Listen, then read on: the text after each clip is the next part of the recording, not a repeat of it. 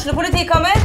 Ine Jansen er purk. Er du purk? The motherfucking bitch. Alt jeg vil, er å finne ut hva som skjedde med mannen min. Jon Carew. Er jeg sikta for noe? Iben Akeli. Det er du. Ole So, Lars Berrum og Big Daddy Karsten. Hvem sin side er du på, egentlig? Anette Hoff, Tone Danielsen, Kommer du fra Afrika?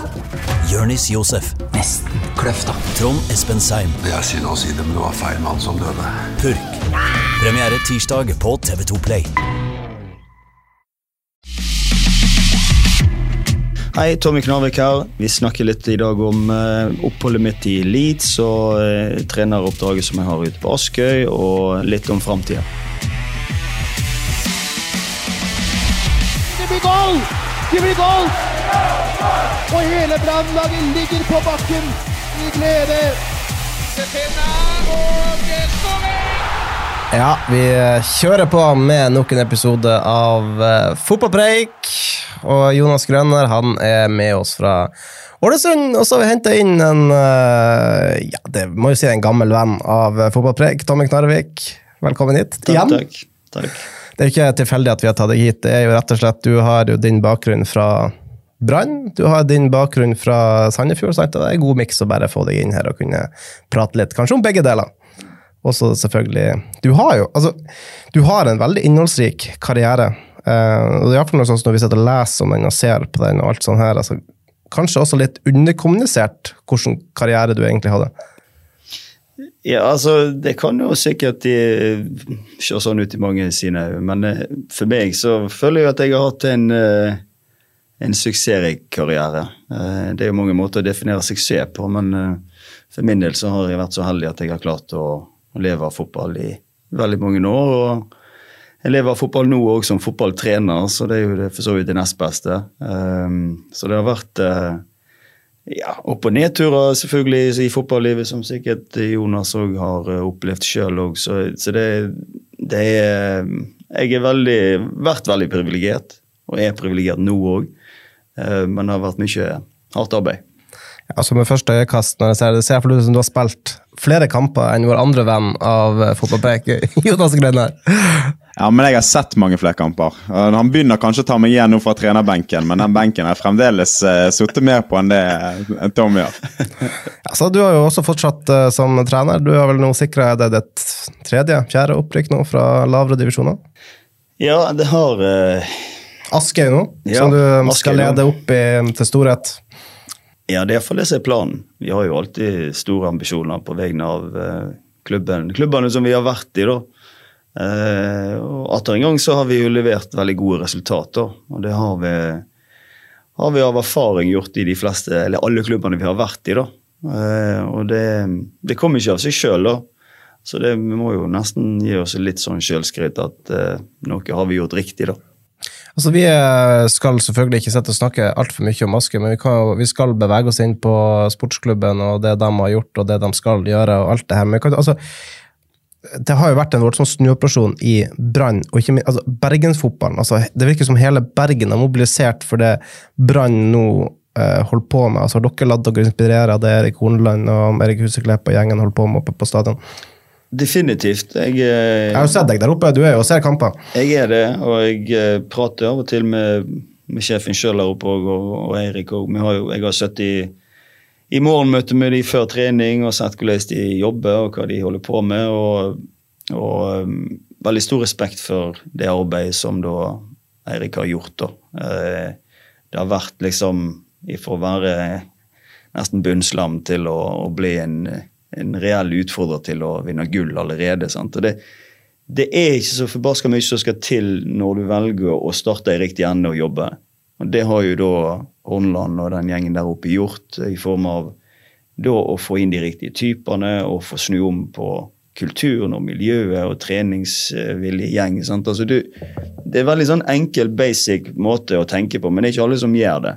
Og, og det syns jeg at uh, Brann har klart å, å liksom ta til seg de viktige tingene og viktige verdiene av det å, å drive en god fotballklubb. Og ikke bare på banen, men òg utenfor. De begynner å få mer kontroll på ting utenfor banen òg, syns jeg. Og det, det er kjempeviktig. Du må ha, Sånn som denne byen her er bygd opp, sånn, så er liksom Brann en litt religion for veldig mange. Og da betyr det mye. Eh, men da må det òg bli gjort skikkelig. Og det har, syns jeg har mangla delvis i noen år, men nå syns vi at det begynner å, å, få litt mer kontinuitet i forhold til ting. Da folk bryr seg litt mer. Det virker som at eh, når vi spilte der eh, bak igjen i gamle dager, så, så Vi har jo bilder på det. Vi har produsenter eh, henta fram noen gamle bilder av uh, Tommy Ja. med fin, fin på håret fra gamle, gamle ja, det var da jeg hadde litt mer hår enn jeg har nå. Men, men det, i, når vi spilte tidligere, så, så var det et sinnssykt trøkk på kampene. Og det var nesten uavhengig av eh, på en måte hvor du lå på tabellen til en viss grad. Vi holdt jo på å rykke ned i, i 2002, sant? men det var fullt på tribunene likevel. Det var en sånn sjel på kampene, og det var en entusiasme på kampene. Som da syns jeg dabba litt av for noen år siden, der det var litt sånn halvfulle tribuner, der ikke nødvendigvis folk brydde seg så veldig mye. Og det tror jeg har veldig mye ned til hvordan klubben da ble drevet. Og hvordan folk brydde seg om Brann, og hvordan altså hvordan Brann selvfølgelig presterte. sant? Altså Resultat er jo det som ofte eh, får folk på kampene, men jeg tror det viktigste nå som har skjedd, er rett og slett at de har de har liksom, Folk har trykt Brann litt til sitt bryst igjen. da. Og det syns jeg er veldig kjekt. For det, jeg vet sjøl av å ha spilt her i noen år at det, det betyr veldig mye. Og det betyr veldig mye for spillerne òg å vite at de har folk som støtter dem. Så ja. Når vi er inne på sesongen 2002, som nesten endte med nedrykk, så kan vi ta en sånn liten kjapp eh, quiz. Så ser hvem som svarer først. Hvem som var toppskårer for Brann i 2002? Siden du spør på den måten, så tipper jeg at det er Tommy. Men det, jeg, tror ikke det, jeg var inne og så på disse. Har du fem mål eller noe da denne sesongen? Ja det, jeg, jeg husker faktisk ikke det. Ikke lat som ikke du vet hvor mange mål du skåret. Det er ingen som tror på uansett. Eneste jeg husker, det var det siste målet jeg skåret mot Sandefjord. Det, Ja, da var jeg på stadion. Det husker jeg òg. Da var jeg på stadion. Så det, var var, det- det, det er et sånt øyeblikk som brent seg fast for min del. Men uh, Jonas, hvem som skåret flest? Siden Det var, det var jo selvfølgelig Tommy. Ja, det var det. Han latet som han ikke visste at han var toppskårer. Det er så dumt! jeg var, faktisk veldig usikker der. skal jeg. Petter Furuseth var jo der òg, og så var det et par andre der som kanskje kunne ha skåret litt mål. Men jeg, jeg skåret nå det viktigste målet, da. Det får vi vel si. At vi var vel med å, å redde klubben i ifra et, eh, et opphold i, i Obos-ligaen. Så det, det hadde jo ikke tatt seg ut på den tida der. Så det var, det var en Jeg husker som sagt den kampen her veldig godt. Det er vel, altså, men eh, altså, Dette her er jo lenge før jeg flytta til byen, og lenge før jeg, eh, jeg var jo ikke, Verken jeg eller Jonas var jo gamle, gamle folk da, men eh, det som jeg sa, det er jo at kanskje altså, Der kom vendepunktet på det som senere skulle bli gull. Du var jo ikke med å ta gullet, men altså, er, er du enig i det? At det, er liksom, det, det skjedde noe der? Ja, det er definitivt. Og det er sånne små øyeblikk som det der som da er med å, å definere litt på hvordan de neste 10 årene og 20 årene kan, kan bli. da. Eh, og så har jo selvfølgelig Brann i etterkant vært i Obos-ligaen, men det har òg vært med på å definere der Brann er nå. sant? Så av og til så må du kanskje ta noen steg tilbake igjen for å ta noen steg fram. Men på den tida der så syns jeg at eh, den sesongen der var nok med og, og definerte veldig, ofte, veldig mye av det som skulle skje de neste årene. da. Så um, igjen, det var en del av eh, noe i den Det som skjedde både i den sesongen og den kampen der, var jo selvfølgelig en, en fin greie, da. Så um, vi hadde jo et, et lag som var av um, litt miks. Men eh, ja, Brann var i Obos i fjor, så det var nevnt, eller førstedivisjon som det vel eh, er det offisielle navnet, utenom når man trekker fra sponsorer. Eh, nå er vi i ferd med å ta medalje i Eliteserien. Jonas, vi er litt sent ute denne uka her med pod, som skyldes enkelte ting vi ikke trenger å gå inn på ennå. Men Brann, er det lov å si rundspill til Molde? Iallfall i én omgang. Ja, i hvert fall i en og en halv omgang. Altså, De kom jo helt forferdelig i gang med kampen mot Molde sist. Og Molde så soleklart best ut. Uh, og så til og med skulle det Sivert bomme på straff, og det virket bare som det var den dagen. Uh, Det var en vi har dårlig straffe. tidligere. Det var en ja, det var en dårlig straffe. straffe. Det var en dårlig straffe også. Uh, men vi har også tidligere snakket om at Molde er liksom Det var vel du som sa de berømte ordene, Jonas, om at Molde er så god som de trenger å være. Hvis de har lyst til å være gode, så kan de være Ja, det det så ut som Molde hadde bestemt seg for å være god på lørdag. Og så plutselig så bare et eller annet som switcher og skjer. Og det er eh, Og ble forklart i ettertid av begge lags trenere at det går mye på innstilling og det der å nekte å gi seg, og at Molde Erling Moe sa vel det at det er første gang at Molde er blitt tatt på akkurat de tingene der så lenge han har vært trener. Og det er jo, ja, for all del, det er det kudos til Brann for å være god, eh, men den gjengen som går ut og gjør det, og som sørger for at Altså for, forlenge seiersrekken Når du har et sånt utgangspunkt i en fotballkamp med, som er fullsatt, og det er så mye eh, på spill når det kommer til Europa, hele den pakken jeg, altså, det, jeg, jeg, slutter ikke å bli imponert. Det er helt utrolig kult å se eh, hvordan den gjengen her jobber, og eh, hvordan de klarer å bare vippe den kampen her i sin favør. Gjøre nok, og så samtidig mot et sånt Molde-lag gjøre det såpass komfortabelt som det de gjør til slutt. Det var vel eh, flere enn meg Tommy, som så for seg at det her kom til å gå åt skogen. Eh, da Brann la under til pause, Sivert bomma på straffe, og man ikke hadde Bård Finne. Altså, det som Jonas sier, at jeg er imponert over moral, da. Altså, det er noen sånne trekk du kan nå har du et lag i, der oppe som på en måte folk kjennetegner ok, dette er Brann god til.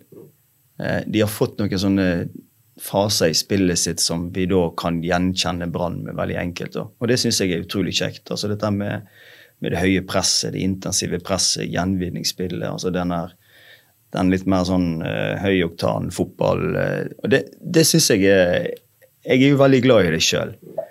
Uh, og det at òg treneren står på sida og hauser ting opp? Og, og, liksom får folk med. og Jeg, jeg, er, jeg er veldig glad i sånt, å se det. Det er litt sånn Liverpool med Klopp og disse her gutta sant? som som på en måte treneren blir en, eller spilleren blir en refleksjon av treneren. Eh, og det tror jeg absolutt Brann er blitt nå, rett og slett. Eh, han skal ha mye kred for den jobben som han har gjort med laget og rekrutteringene som har blitt gjort, og, og, måten de liksom har rett og slett bare blitt bedre og bedre. da. Så, um, ja. Det er liksom mange som har trukket fram mange ting med Brann. Altså, Jonas har jo gjentatt til det kjedsommelige at dette skal Erik Horneland ha. Sa du 80% av æren for noe sånt i en eh, sak eller pod vi hadde tidligere, Jonas? Eh, så har du en Jim Nagel Jacobsen som har truffet på veldig mange av de spillerne han har henta. Eh, det virker som det er en altså, Eh, ikke at det har vært tidlig, men altså, du har fått en klubbledelse nå der man har liksom blitt kvitt mange av de gamle bindingene til eh, diverse saker og ting. Altså, uh, hvor mye mener du av det, når du følger utenfra, at Erik Hornland uh, Hvor mye ære skal han ha for den snuoperasjonen som, som, er satt i gang på, som er gjort på stadion? Ja, altså, Jeg mener jo han skal 80% ja. Det, du er ikke langt ifra det. altså. Jeg mener at treneren har vært eh, definitivt den viktigste nøkkel til å få snudd om på dette. her. Eh, som sagt, de grepene Vi må gå tilbake igjen og spole eh, tolv måneder tilbake igjen sant? Eh, i form av det som skjedde når, eh, når de var i Obos-ligaen og, og, de skulle begynne å starte litt på nytt igjen. og denne skandalen, Nachspiel-skandalen og alt dette her kom. Altså, det er jo det er jo der da ledelsen stepper inn. Det er jo der da Hornland stepper inn med sin på en måte smartness og ekspertise i forhold til krav som da skulle bli stilt videre. Og, og klubben òg var veldig med på det som han sa. Eh, hadde, ikke, hadde, ikke, klubben håndtert den situasjonen der godt nok, så hadde nok ikke klubben vært der de er nå. Eh, sånn at definitivt at eh, treneren har ekstremt mye å si. Og så er selvfølgelig produktet sant? det er jo spillerne. Spillerne er de som skal ut på banen og prestere. Men hvis ikke du har gode rammer, og hvis ikke du har en trener som tror på deg, og hvis ikke du har en trener som har satt opp et system som spillerne skal stole på, så har du jo ingenting. sant? Så igjen, vi skal um, ikke undervurdere trenerens rolle oppi dette. altså. For Det er han som uh, styrer spakene, og så er det spilleren som selvfølgelig utfører det som treneren sier. Uh, men der har uh, Brann truffet blink, altså. Men, ja, for meg, altså, hvis jeg bare kan ta akkurat at Du var inne på det i sted når du snakket om alle disse tingene som Hornland har innført, og kultur, og det, at det skal være forholdsvis enkelt og ganske sånn enkelt å adressere hva det er Brann er så god på. Og så kan du si det at ja, det er treneren som Veldig mange trenere går ut og sier at nå skal vi bli gode på det, vi skal være gode på dette her. Og så er det den evnen Hornland og det teamet ser den oppe, eh, til å gjennomføre det. Det er jo det som er helt eh, altså Alle trenere går inn og sier at dette skal vi gjøre, dette skal vi bli gode på. Men så er det det å være god på det hver eneste dag gjennom hele året. Og når du har rykket opp eh, i Obos-ligaen i september i fjor, så fortsetter du å jobbe videre. Du gnurer videre. Det er, har blitt satt på x antall prøvelser denne sesongen, men allikevel klarer du å stå i det. Jeg sto på, på trening i sommer i øs pøs regn og så en Horneland akkurat like aktiv på feltet den dagen i juli, når perioden var litt sånn, det dabbet litt, og han har vel uttalt senere at han var litt sånn usikker på, på hvordan eh, fremtiden så ut. Men han sto i det. Gjennomføringskraften hans, og det smitter over på hele klubben. Og som du sier, han har ledet først og fremst laget, men kanskje like viktig, han har ledet klubben gjennom hele den omstillingsprosessen. Og Det er derfor Hornland skal ha 80. Det er nesten, det er nesten litt stygg man sier at han bare får 80 av dette. Mm. For at, uh, uten Har du gitt den spillergruppen her dette utgangspunktet til en annen trener, så um, ja, da hadde jeg vært bekymret for Brann sin fremtid, rett og slett. Og når det i tillegg da kommer en god, hjelpende hånd fra Tromsø i Stavanger, så er vi plutselig Vi, kan, vi trenger ikke bare snakke om bronse, nå kan vi snakke om sølv! For gullet, Jonas, det var du ganske klar på det er urealistisk? Ja, gullet, det, det tar Bodø. Eh, det er det er jeg ganske trygg på. og De skal kollapse. altså De har jo fremdeles Europa, så, og de er ikke sånn kjempegode. De slipper inn masse mål. og De er så en sak på at de ligger vel an til å bli den seriemesteren i så fall som slipper inn mest mål på veldig veldig mange år. Så det er et uh, lite sånn der uh, en liten parentes vi kan sette der, og kanskje. Men uh, utover, hvis vi skal vurdere situasjonen sånn ellers, så for det første så driter jeg i om det blir andre- eller tredjeplass. Ja, hvis Glimt vinner cupen og serien, så kan andreplass gi en litt bedre utgangspunkt i Eller et opprykk i europakvaliken. Det får være den eneste, det ene tingen. Men utover det så driter jeg i om det blir andre- eller tredjeplass, fordi at det handler kun om oss, oss, uh, at de får Europa.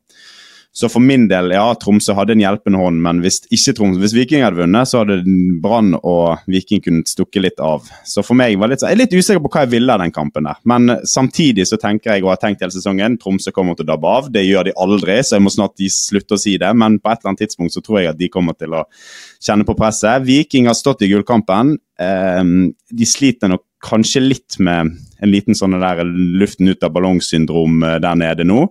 Har de det som skal til for å resette det? Og så har du Brann som bare har durt gjennom hele høsten med europaeventyret friskt i minne.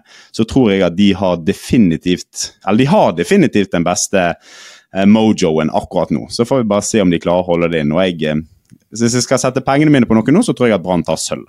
Mojo. Faktisk Austin Powers, er ikke det jeg henter fra det? uh, Sandefjord til helga, Tommy. Uggen kamp, eller?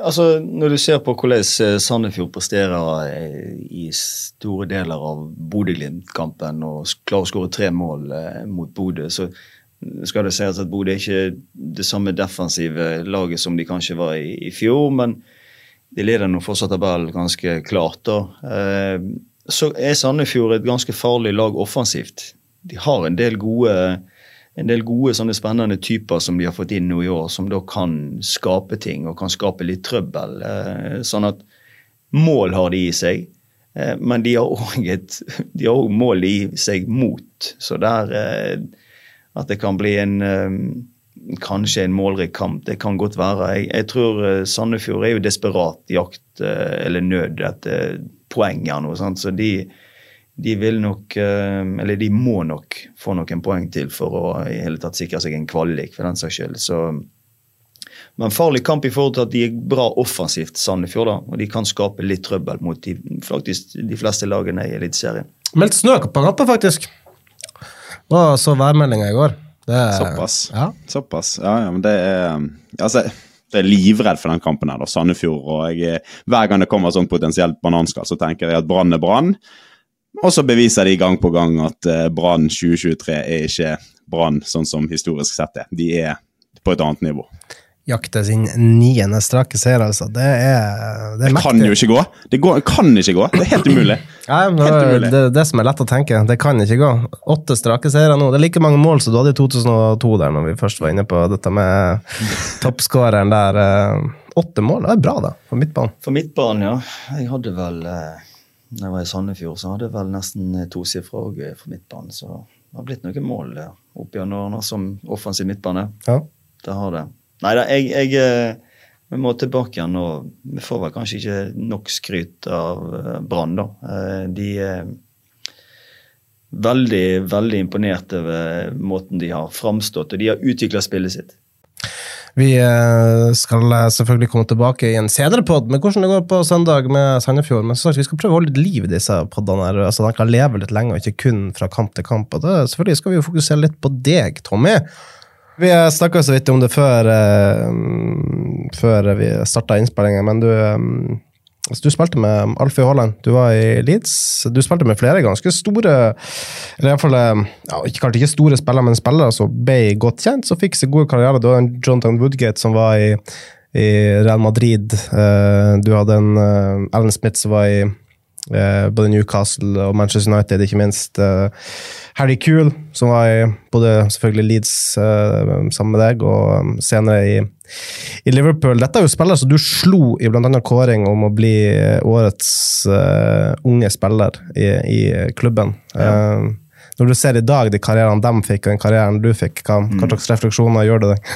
Nei, altså refleksjonen vi har gjort oss om dette, er jo Det er mange måter å definere suksess på. sant? Jeg, eh, jeg er nok rimelig sikker på at eh, det er litt tilfeldig at jeg ikke fikk flere kamper for Leeds. eh, eh, Litt pga. skadehistorikken, men samtidig så har jeg hatt et langt liv i Eliteserien og spilt masse masse fotballkamper der. og og så hadde vi muligheten til å fortsette i England for den saks skyld eh, med å både signere en ny avtale med Leeds og kunne gå til en annen engelsk klubb òg. Men på det tidspunktet der når vi fikk disse skadene som vi hadde, så, så var det liksom mest nærliggende for min del å, å komme seg litt hjemover. Og det, det kan jo godt hende i etterkant at eh, at det kanskje burde vært noe annet. Eh, Men samtidig så ser, så ser jeg tilbake igjen på en karriere der jeg har lykkes med veldig mye. Eh, Så jeg kan liksom ikke gå og si at jeg hvis om og men sånne ting hadde skjedd. Ja, det er sikkert kanskje noen valg på veien her vi kunne kanskje revurdert hvis vi hadde fått valg på nytt igjen, men eh, det var en veldig fin tid. Hva, hva var valgene du hadde? Altså i 99 der, eller var det 2000? 2000, ja. Nei, altså, jeg kunne jo ha signert ny toårsavtale med Leeds, da. Eh, og så jeg, hadde jeg òg et tilbud fra Nottingham Forest på den tida. Eh, men det igjen Det å stå i det over litt lengre, en, kanskje en lengre periode, det kunne vært smart for meg og kanskje, kanskje gjort. Men eh, når du var ute ett år med, med skade og første kampen tilbake igjen fra skade, så knakk du armen, og så var du ute enda lenger. Sant? Så du, du mister veldig mye på den tida der jeg da hadde blitt, året før hadde blitt tatt opp i Asdalen. Eh, da var jeg 18. Debuterte på for i, i FA-cupen mot, um, mot Portsmouth. Og eh, året etterpå, når vi var ferdig med sesongen, så skulle jeg da liksom ta det neste steget da, og etablere meg mer med å få flere kamper. For jeg satt jo på benken med A-laget stort sett i hver kamp. Var med i troppen stort sett hver kamp, og du fikk en god læring på den måten. Sånn. Så det, det var en sånn trappestige for meg som jeg syntes var veldig sånn lærerikt. da.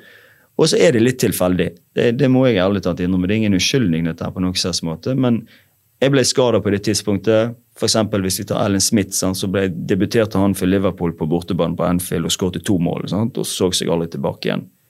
Eh, for vi hadde jo en sinnssykt god generasjon der med både Woodgate, QL, Alan Smith og alle de gutta der som på en måte James Milner, kom han senere, eller? han var vel litt seinere, ja. Ja. Eh, Så det var en ekstremt god generasjon der de fleste som spilte på dette her eh, akademilaget vårt, de fikk sine debuter på A-laget. da.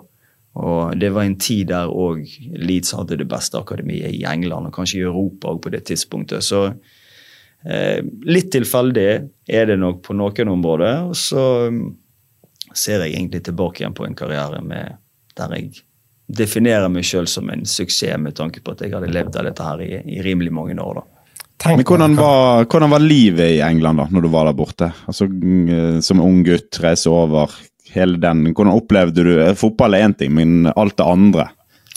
Nei, altså, Det blir jo veldig ensidig. Eh, det må jeg innrømme. at eh, jeg, jeg, jeg spøker litt med sønnen min. Jeg må bare ta det en litt sånn digresjon på det. Han er 15 og han eldste sønnen min. Og så sier jeg at ja, han, han ønsker seg sånn og sånn, og han er veldig flink til å spille golf og alt disse tingene her. Og så husker jeg på noe, Niklas, så det er bare noen måneder til jeg reiste til England, og du er 15 år nå. sant? Eh, ja, da, har jo så lyst til å gjøre forskjellige ting. sant? Og, eh, så det var jo et, et tidspunkt der jeg bare stakk. Eh, jeg var 16 år sant? Og bare stakk fra alle vennene og ut av skolen og bare valgte å, å reise og pakke bagen og, og stikke ut i det store landet. Eh, sånn at eh, for meg så var det en, selvfølgelig en omstilling. Eh, trygge omgivelser, komme ned der, eh, flytte inn på et Vi hadde jo et sånn her eh, leilighetskompleks der alle spillerne bodde, inne på akademiet, inne på, eh, på treningssenteret der. Der jeg bodde sammen med en fra Wales. Eh, vi ble gode venner, og er fortsatt gode venner. Og så etter hvert da når vi ble litt eldre, så flytta vi ut ifra det huset, og så bodde, vi, så bodde jeg faktisk i lag med en, en familie som jeg òg ble veldig godt, godt gode venner med etter hvert.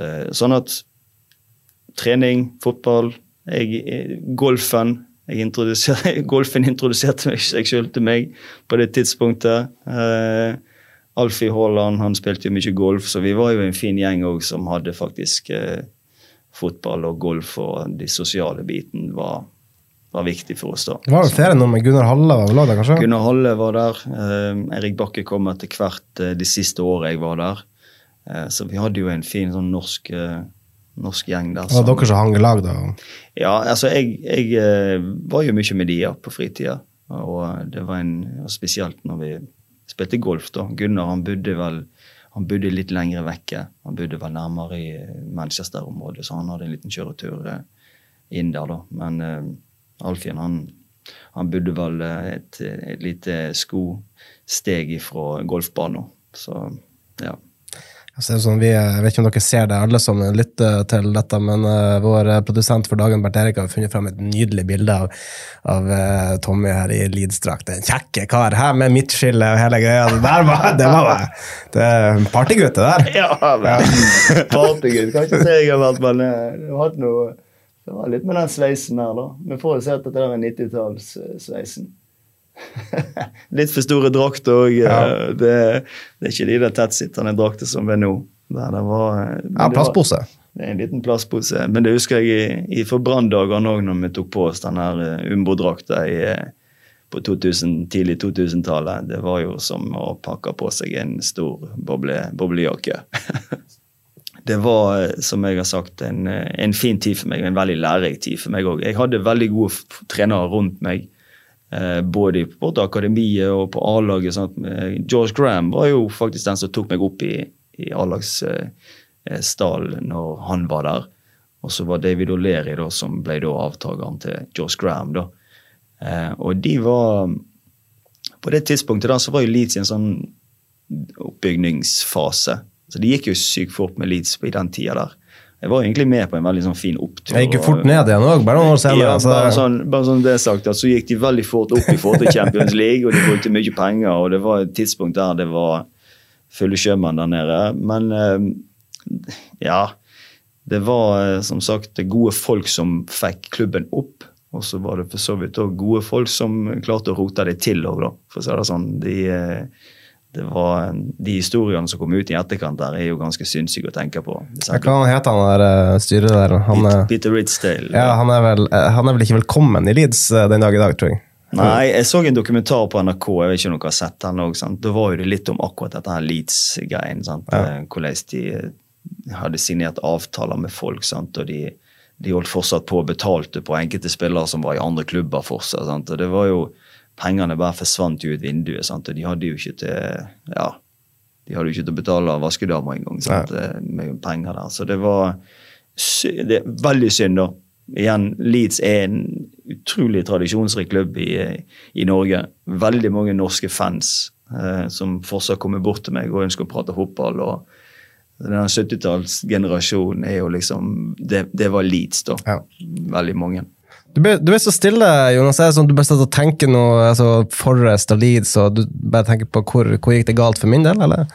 Nei, altså, jeg òg tenker jo Eller jeg tror nok at jeg hadde vært moden sånn uh, mentalt sett for et uh, sånt type eventyr som det der. Jeg var bare ikke god nok, så jeg fikk ikke muligheten til å dra over på et sånt. Men jeg, jeg hadde vært definitivt hoppet rett på hvis noen hadde eh, en stor klubb hadde kommet og ønsket meg. Men så er det liksom Disse akademiene de er jo litt sånn, de snakkes om at det er sånn spis eller bli spist-mentalitet. At du kommer bort der og eh, folk, du blir mobbet av de andre lagkameratene, for det handler bare om å komme seg opp på det A-laget. Hvordan Var det, var det, opp, altså var det sånn i, i Leeds òg på den tiden?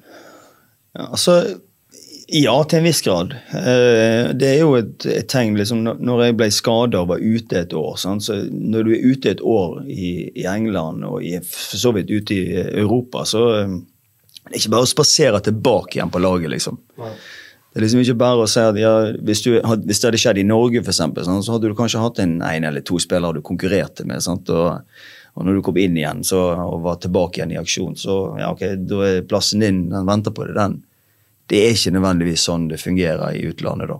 Eh, for der er det mye flere om beinet, og du, skjer det noe, så blir du satt litt lenger tilbake igjen i køen, og du må bite tennene dine sammen for på en måte å få deg opp igjen.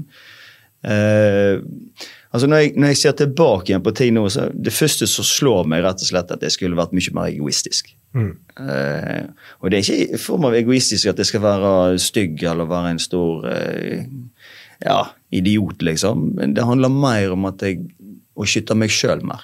Skytte mine interesser mer. Skytte meg sjøl i form av at jeg eh, har et mer sånn tunnelsyn i forhold til at jeg må prestere. I form av at ikke nødvendigvis alltid du skal se på alt som er rundt deg, eh, og tenke på Mener du at du var bedre enn Harry Cool, Ellen Smith?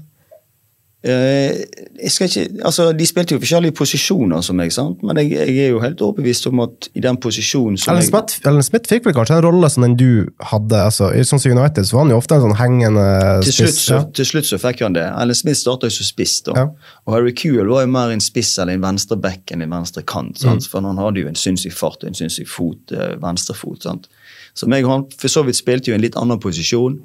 Men hvis du skal tilbake igjen til Stephen McPhail, for eksempel, så meg og han spilte jo i samme posisjon. Han fikk jo en god del kamper i Premier League. Og meg og han var ikke, meg og han var jevngode, og jeg, til tider så hadde jeg mye bedre ferdighet enn han på en del ting. Sant? Så, så igjen litt tilfeldig, ja. Eh, men samtidig så når du, når du har alle nasjonalitetene i de fleste landene rundt omkring i verden, så, så vet du at det er en del som, som mest sannsynlig vil gå over lik for å lykkes òg. Jeg skal ikke si at, vi, at jeg skulle gjøre det, men jeg, jeg tenker i etterkant at ok, jeg burde vært litt mer rå i forhold til å egoistisk i visse faser av hvordan jeg var, og hvordan jeg kanskje oppførte meg i, i visse settinger, som gjorde at jeg kanskje kunne hatt en, en litt, annen, litt annen mindset. da.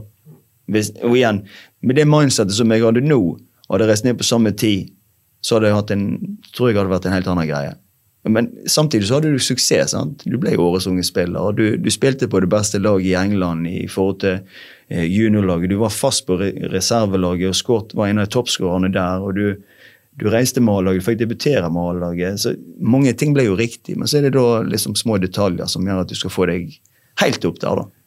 Tenk hvis du hadde klart å lykkes, da. Kunne hatt pizzahuset i hver by i hele Norge, du. Ja, det, det kan du si.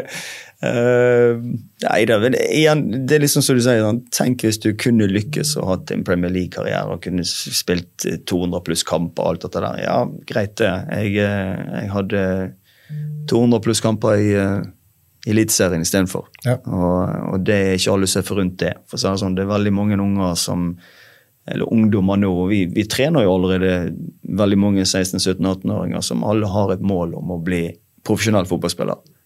Men det er nåløyet er blitt mindre og mindre for hvert år som går. Og det er tøffere og tøffere for å bli god. Det krever disiplin, det krever kontinuitet, altså det krever et hardt arbeid. og Det er ikke alle som er villige til å legge ned det arbeidet. Og jeg var villig til å gjøre det. Det er vel sånn ca. ti år mellom eh, fra altså, du debuterte i Eliteserien til du begynte å komme inn i gamet, Jonas. Dere har jo kanskje litt eh, Hva skal jeg si? Dere har fått opplevd litt forskjellige ting. Altså, Hva er den store forskjellen, mener du, Tommy, på ungdommer i dag kontra det du sjøl opplevde når du skulle slå gjennom? Og så kan Jonas følge på med sine synspunkter. det, Dette er jo mitt synspunkt, da, og eh, hva skal jeg si jeg, jeg vokste opp i en tid der ting var litt annerledes enn det det er nå. Eh, altså sosiale medier og internett og alle disse andre faktorene som er rundt, de fantes ikke på min tid.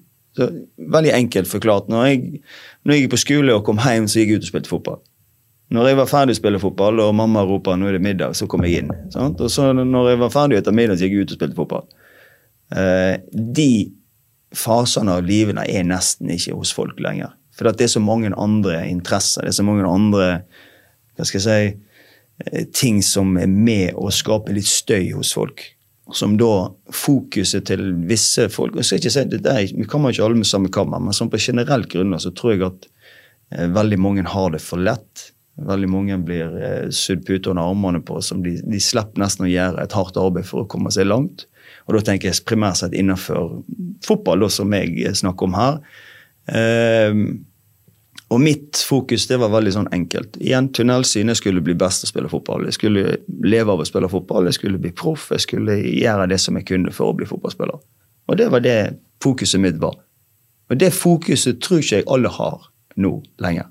På grunn av at det er så mange andre interesser, det er så mange andre sånne støyting som da gjør at fokuset skifter vekk fra at ikke du klarer å ha disiplinen eh, og denne kontinuiteten, som jeg sier, til å da gjennomføre ting, til å stå i ting, til å på en måte kreve av deg sjøl, til å, å, ha denne indre driven til å lykkes. da. Eh, og det, det, må jeg si, det igjen Noen har det, eh, selvfølgelig ja. Eh, men det er veldig mange som har et sinnssykt stort talent, men de har ikke den, nødvendigvis den indre driven til da å ta det neste steget som da kreves. da. For at nåløyet er eh, blitt eh, rimelig tightere enn det det var eh, på en måte før. da. Eh, men samtidig så er rammene òg forandra seg litt. Ja, og hvis jeg skal følge opp det, så tror jeg altså, Jeg tror at det er forskjell på hvem Hvis du skal ta personlighetstyper, så er det for, forskjell på hvem det er som blir god på Tommy sin tid, og hvem det er som blir de beste spillerne i dag. For det er så ekstremt forskjellige krav. Og for all del, du har en fase, og jeg tipper at i dag så deles ting mer inn i faser. Man har mer løp på ting. Ting er målbart. Ting, altså det, det jobbes på en helt systematisk, helt annen måte. Og vi har tilegnet oss måter i Norge fordi vi er langt fremme på idrettsforskning. og disse tingene. Så Vi har en helt, annen, helt andre forutsetninger for å få gjennom spillere, og vi får nok, vi kommer nok til å fortsette å få bedre spillere. Eh, men altså, før i tiden så var det de som holdt på mest, de som drev mest på med ball, som ble de beste. Mens i dag så er det summen av alle disse x-ene og y-ene som faktisk kan måles. Som du må tåle at folk er inne og måler. Som du må tåle at Sånn, sånn er løpet. Altså, du har gjerne en eh, et, La oss si at NFF kommer inn når de er 11-12 år gamle, gjennom kretslag, sonelag. Da plutselig har du påvirkning fra, fra spillere. Og, der, og derifra ut så er løpet ganske sånn lagt opp. Eh, med at du har sonelag, du har kretslag, du har landslag, og så bare bygges det videre og videre. Og så har du disse her toppklubbene som tar større og større del. Du har eh, Summen av alt som eh, organiseres for deg, gjør at det er andre typer spillere som kommer til å lykkes. For det er de som tåler all den organiseringen, tåler at alt dette her både måles og så plusser dette her på med sosiale medier, du plusser det på eh, agenter, eh, summene som er ute i fotball i dag, økonomisk, ting, fristelser, gjør at det er helt andre, og det gjelder også fra når jeg gikk gjennom for 13 år siden når jeg debuterte for Brann. Så det, det, endret seg ekstremt bare på den tiden der, og det kommer bare til å fortsette å endre seg.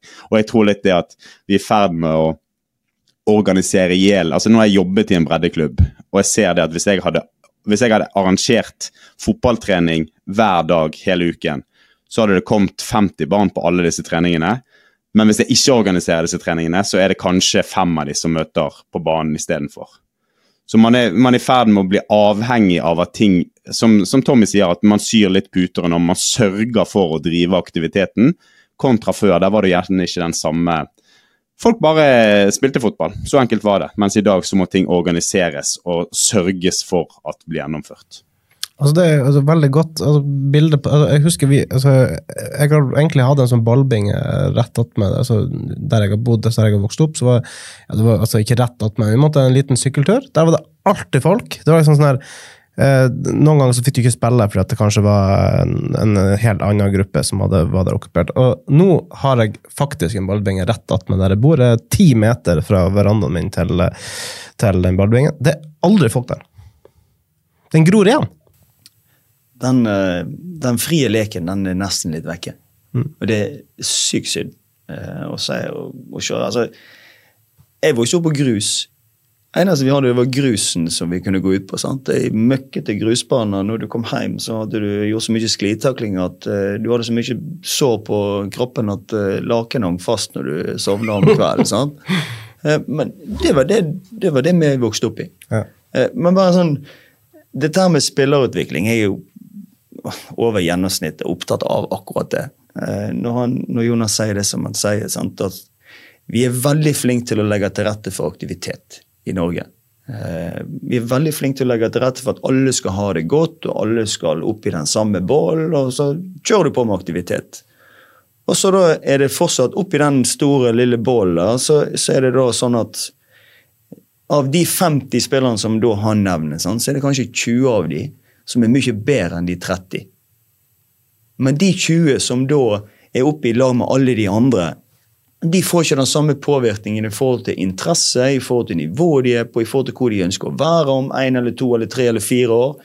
De blir bare hevet opp i alle de samme som da egentlig de spillerne stort sett ønsker bare å være der og ha en aktivitet og kanskje leke litt i sand og kanskje se litt opp mot fuglene osv. Så, videre, sant? så da ender det opp med at kanskje frafallet på de spillerne som da ønsker noe mer, og ønsker å ha en tilrettelegging i hverdagen, ønsker å ha en, på en måte en utfordring i hverdagen, de ender opp med kanskje til slutt vet du hva, jeg, dette gidder jeg ikke mer. Så frafallet hos de beste òg i kanskje en tidlig alder, den er kanskje like stor som de som kanskje bare gir seg for at de ikke har interesse av å spille fotball lenger. Så det er en, det er en sinnssykt hårfin balansegang på eh, hvordan står med å sette opp spillerutviklingen. For min del, når jeg vokste opp ute, ute på eh, øyene ute i Øygarden, så jeg spilte med folk som var mye år eldre enn meg, helt siden jeg var en liten gutt. Jeg var vant til å se opp på spillere siden jeg var 6-7-8-9-10 år gammel. Og jeg spilte alltid med folk som var to-tre-fire år eldre enn meg. Så de selekterte ikke meg ut ifra alderen min, men de selekterte meg ut i nivået jeg faktisk hadde.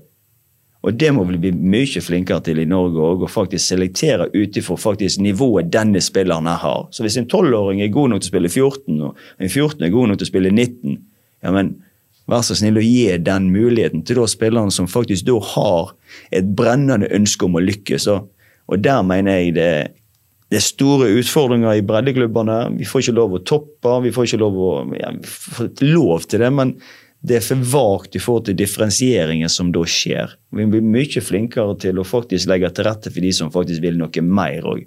For det er det. Det er ikke tvil om at det er nok av fotballspillere rundt omkring her som har et brennende ønske om å lykkes, men de på veien så må de òg få noe utfordring. Så ikke alle andre blir liksom den der ja, De blir behandla likt, alle. da. Det syns jeg òg er feil i forhold til spillerutviklingen. da. Skulle vi, nesten, vi skulle nesten ha en del to på det her, eh, Jonas. eh, Spillerutvikling. Ja, dette, dette her lukter spiller eh, Altså et breddefotballseminar. Vi må ha eh, panel, vi må ha sofadiskusjon. For det er så masse å ta tak i her. Men er altså, for å si det sånn, at jeg har ikke noe problem altså, jeg, jeg tenker at um, som du sier, Tommy, at det handler om at dette er et supplement. Altså det, det er viktig å understreke. Det handler om eh, å bygge klubbene så gode som overhodet mulig, så de kan gjøre mest mulig i klubbene sine. Det er, altså det er jo det viktigste. Og så er det det at det er forståelse av at det handler ikke om hvor mange økter du har råd til å betale for, øh, som, om, om det er det som gjør at du blir god til slutt.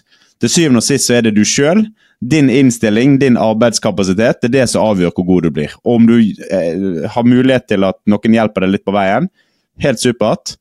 Det skaper forskjeller, jeg skjønner det. Jeg skjønner at det er plusser og minuser her. Men til syvende og sist er det deg sjøl. Altså, jeg var aldri på et privat akademi som hadde noe som helst med det å gjøre. Jeg drev egne morgentreninger, f.eks. Uh, for meg sjøl. Fordi at jeg hadde en sånn innstilling til at uh, dette her handler om hardt arbeid. Og så er, ser verden annerledes ut i dag. Det er som vi har snakket om nå, ting er i ferd med å organiseres i hjel. Og da er kulturen der, og da er vi nødt til å kunne tilby og stimulere også det. Eh, så um, jeg tror ikke man kommer utenom det, og det er ikke, trenger ikke å være en fiende. Det handler om å spille litt på laget også. Fanken, det her ble jo lange greier. Jeg tenkte vi skulle Det er masse på lista jeg ikke har pløyd gjennom ennå, så det var eh, Her ble det ordentlig bredde. Men det er, jo- dette er jo ting som folk er opptatt av. Det er jo um, Ja, det er jo et veldig sånn det, noe som er vin òg. Ja, dette her er noe som folk snakker veldig mye om generelt i, i norsk fotball. Hvordan du skal utvikle da fotball i, i, landet vårt, rett og slett. Og eh, det er mye meninger, og du blir aldri helt uh, enige på verken det ene eller det andre. Det, det handler om å tro på noe, da. Og det, det, tror jeg er det viktigste. Du må tro på den veien du ønsker å gå, og så må du stå i det. Og så må du være selvfølgelig litt fleksibel og justerbar underveis og i forhold til hvordan du skal utvikle disse her fotballspillerne våre. Vi ba om litt spørsmål. Vi, jeg så vi fikk noen, Jonas. Men jeg, vet ikke, jeg føler, jeg føler noen av dem at vi egentlig har svart på det. Har vi ikke det? Ja, vi kan ta Martin Veivåg sitt. og han, han, er ivrig. Eh, han stiller alltid spørsmål. og Han lurer på hvis du kunne endre et resultat på én kamp, hvilken og hvorfor? Eh, jeg angrer litt på den cupfinalen vi spilte eh, Sandefjord-Fredrikstad. Da hadde vi hatt en veldig god sesong. De hadde, og for min del òg eh, Jeg hadde hatt en veldig god sesong i Sandefjord. Vi hadde holdt laget oppe. Vi hadde gjort en strålende innsats i Eliteserien det året der. Og så slo vi Rosenborg på Lerkendal, som alle husker. Eh, eller mange husker. Rosenborg hadde jo bestilt eh, Med en gang de så hvem de fikk opp på Lerkendal, så så, så de at de, de, måtte bare bestille oss fort billett eh, på Ullevål. fordi Det kom til å bli enkel match.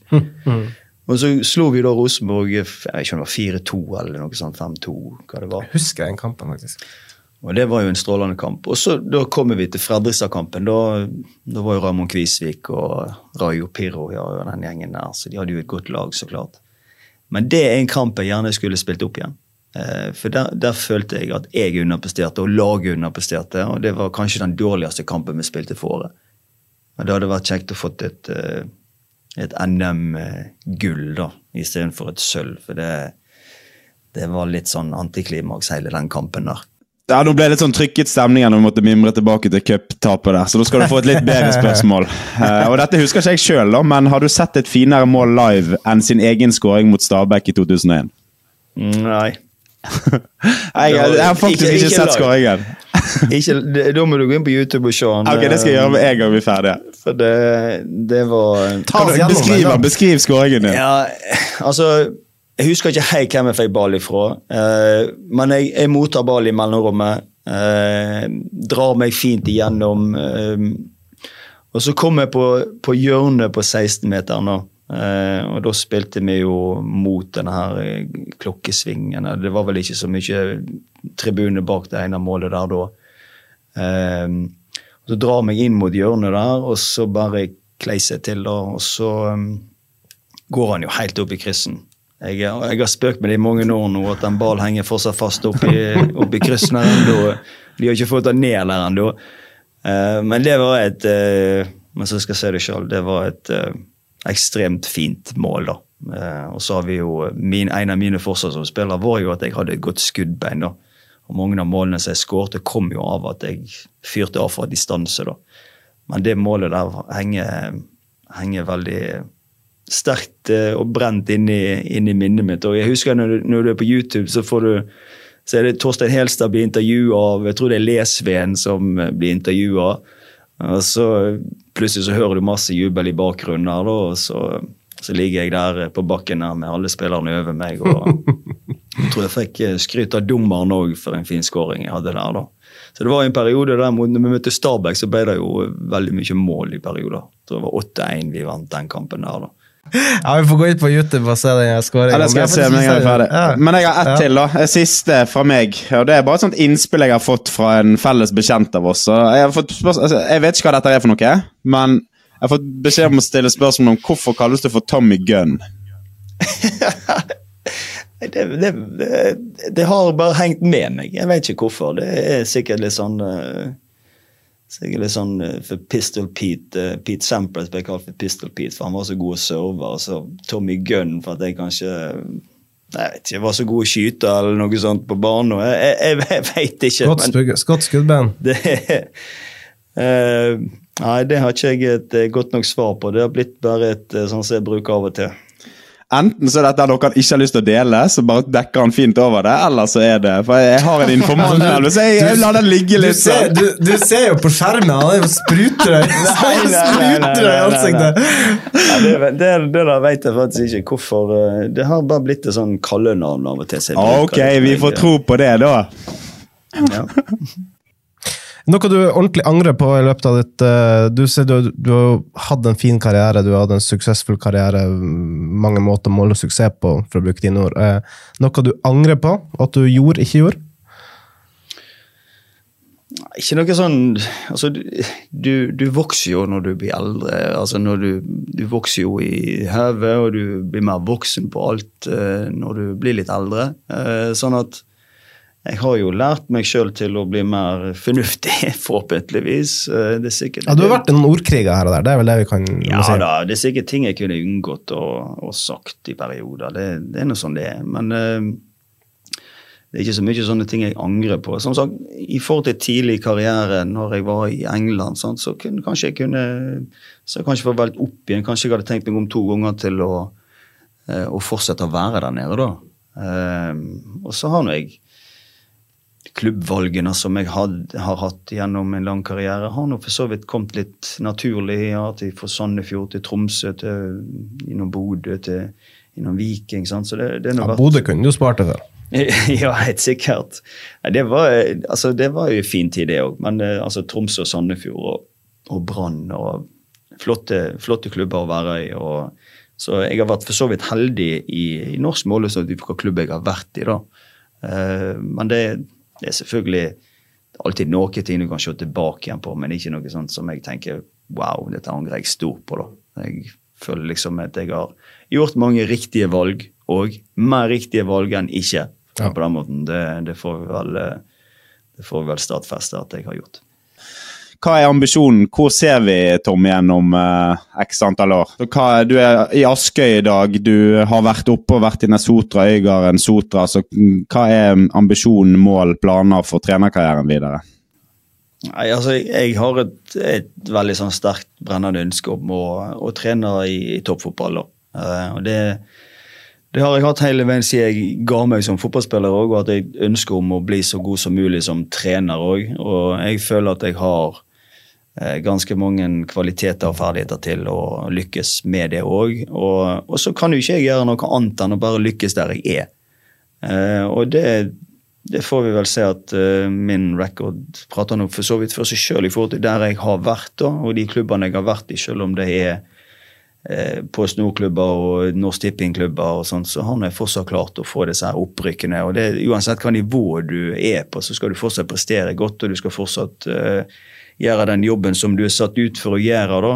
Ehm, men for min del så handler det om å, å, gjøre så, å prestere så godt der jeg er. Det, det er den, min ydmyke tilnærmingen til det, rett og slett. At jeg skal eh, prestere gode resultat og vise at jeg er en trener som er nytenkende og moderne og har ordentlige verdier og har på en måte en, et, eh, et veldig sterkt ambisjonsønske da, om å, å lykkes innenfor det som jeg holder på med. Men samtidig så er jeg en type også som på en måte eh, er sånn klubbmann.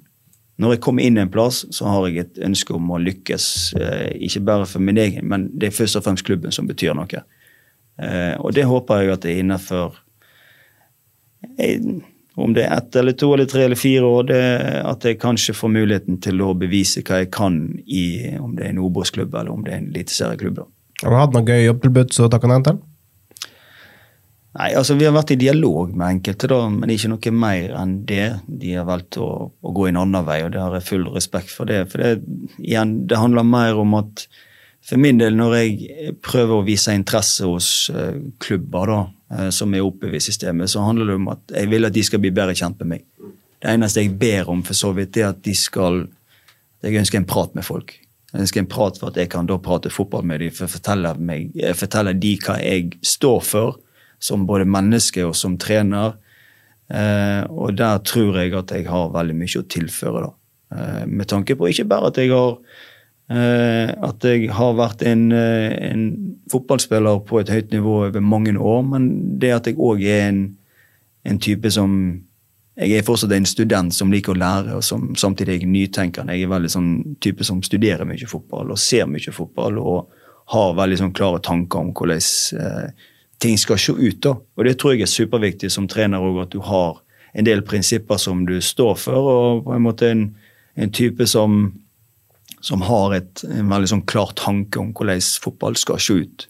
Og Der eh, mener jeg at jeg har et eh, kommer ganske langt, da, selv om jeg er ung ennå i, i målestokk. da. Apropos, altså, apropos når, du bare, når, du bare, nevnte det der med at du eh, ofte må Eller du ser mye fotball. altså Jeg møter jo ofte på breddekamper og litt sånn der når, når jeg sjøl tar, tar, turen. og eh, Du nevnte din eldste sønn, men du har jo to små òg. Eh, og en konemor der hjemme. Altså, Er hun bare ekstremt snill, eller får du dette igjen med rente? At uh, her må det jobbes litt uh, for du skal få lov til å dra på alle kampene? Og... Jo da, jeg, det, jeg, har jo dårlig samvittighet av og til. Jeg skal jo ikke benekte det at jeg Det går mye i fotball. Min, min, jobb består jo av å være fotballtrener, og så har jeg forskjellige roller. Sant? Jeg har A-lag, jeg har akademi, jeg har eh, toppidrett, eh, Metis, som jeg òg jobber på. Sant? Og så har jeg litt NSU i helgen. Sant? Så det, det, går jo mye med fotball. Samtidig så prøver jeg å ha sånn, et veldig sånn avslappa forhold til det òg, at jeg prøver å sette av tid til familien, for det er jo eh, selvfølgelig kjempeviktig. Eh, men hun vet ambisjonsnivået mitt. da. Så den dagen forhåpentligvis at jeg har gjort eh, noe riktig og kanskje får muligheten til å, eh, å ta over et lag som ligger oppe i toppfotball, så, så tenker jeg at eh, det må vi hoppe på. Ja. Hvis det er det riktige. Og, um, og, da er det ikke noe sånn at jeg har en tanke om at dette her skal eh, mislykkes. Sånn, det, da er det én ting som gjelder, det er å, å lykkes. Og, og Kjetil Knutsen er jo et veldig godt eksempel på, eh, på det òg, med tanke på hvor han har vært i sin karriere. Også, Alt fra Hovding til Fyllingsdalen til Åsane til nå har stor suksess i, i, i Bodø-Glimt. Så meg og han har en ganske lik sånn historie i forhold til klubber vi har vært i. da, og, og, og kanskje etter hvert òg, hvis jeg gjør ting riktig, at jeg kan få muligheten til å bygge meg opp et navn innenfor toppfotball og i treneryrket. Ja, hvis det er det ydmyke svaret, hva er det klysete svaret, da? Er det, som vi kan lage overskrift av? Er det 'Jeg er den nye Kjetil Knutsen'? Er det det vi kan sitere deg på? Altså, jeg kom med et innspill her fra uh, vår sjef, blir det faktisk Jonas um, Tormod Bergersen, som sa at når vi hadde mangla saker før i tida hvis det var sånn at de dro på branntrening og ikke hadde noen god idé, så snakka vi bare med Tommy Knarvik. Da fikk du en god sak. Alltid. Ja, og det er, jo, det er jo ting som vi har lært av.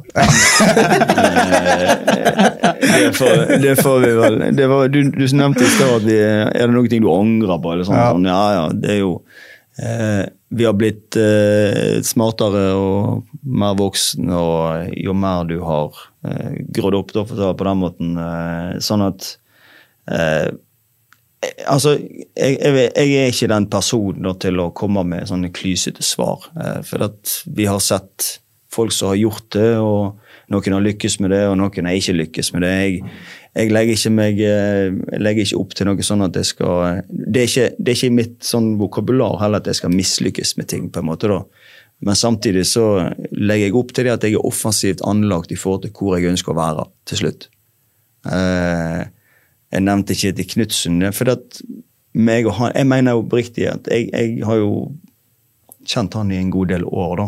Eh, og så har vi ikke prata så mye nå de siste årene, men eh, men meg og han har ganske lik mindset på mange ting. da.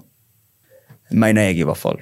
Ehm, det kan godt hende han mener noe annet, men det er iallfall det inntrykket jeg har av når jeg prater med han og, og har prata fotball med han da, eh, i de siste årene. Sånn at det er, det er utgangspunktet mitt. Jeg, jeg har som, igjen, som sagt, et offensivt en plan for hvordan ting skal være, og så er det da Klarer jeg å få det til? Klarer jeg ikke å få det til? Hvis har folk lyst til å ta sjansen på meg etter hvert her. Sant? Eh, men jeg har jo et brennende ønske først nå å prøve å, å få Askøy opp og gå. da.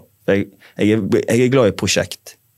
Jeg er glad i å bygge opp noe litt fra scratch av, som da eh, er på en måte litt sånn bærekraftig over tid. da. Vi har eh, holdt på nå uh, veldig lenge, uh, og, men det har vært, det, vi, når vi har holdt på lenge, så er det for at vi syns det er kjekt. Tommy, det har vært utrolig hyggelig å ha deg her. og uh, det er jo nesten så du må vurdere en, eh, et eller annet på dette med spillerutvikling, for der uh, føler vi traff et eller annet, Jonas. Ja, det, det kunne vi snakket lenge om. Så breddefotball, eller spillerutviklingsseminar, der jeg stiller til paneldiskusjonen med Tommy, og så inviterer vi masse gjester, og så eh, koser vi oss et par timer. For det, da må du bare holde av en hel kveld.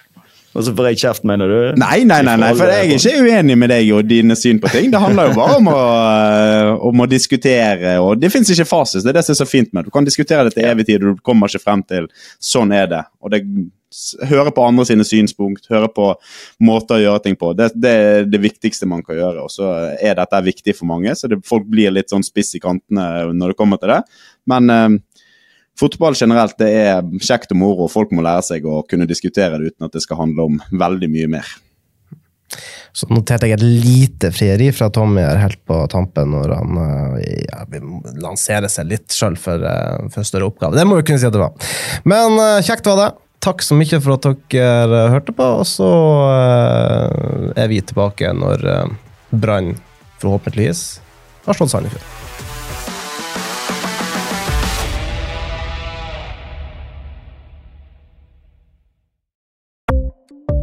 Ukens annonsør er HelloFresh. HelloFresh er verdens ledende matkasseleverandør og kan være redningen i en travel hverdag. Mange av oss har nok vandret i butikken både sultne og uten en plan for middagen, som ender med at vi går for de samme kjedelige rettene gang på gang. Middag burde være dagens høydepunkt. Som HelloFresh kan du nå velge mellom 25 ulike retter hver eneste uke, eller få HelloFresh til å sette sammen menyen for deg. Dette gir deg muligheten til å prøve nye og spennende retter alene eller sammen med familien. Du velger antall porsjoner og får alt levert på døren på et tidspunkt som passer for deg. Oppskriftene er enkle, og maten er lett å lage både for store og for små. Ved å få alt levert hjem får du også mer tid til å dele matgleden med familie og venner. Kanskje det frister med asiatiske tacos eller greskinspirert kylling? Da kan jeg anbefale deg om å gå inn på hellofresh.no. Her kan du bruke koden FOTBALL og få opptil 1779 kroner i rabatt på de første fem matkastene hvis du ikke har prøvd Hello Fresh tidligere. Du kan også bruke rabatten hvis du har vært kunde og stoppet abonnementet ditt for tolv måneder siden eller lengre. Gå inn på hellofresh.no og bruk koden FOTBALL. Har du et enkeltpersonforetak eller en liten bedrift? Da er du sikkert lei av å høre meg snakke om hvor enkelt det er med kvitteringer og bilag i fiken, så vi eh, gir oss her, vi. Fordi vi liker enkelt. Fiken superenkelt regnskap.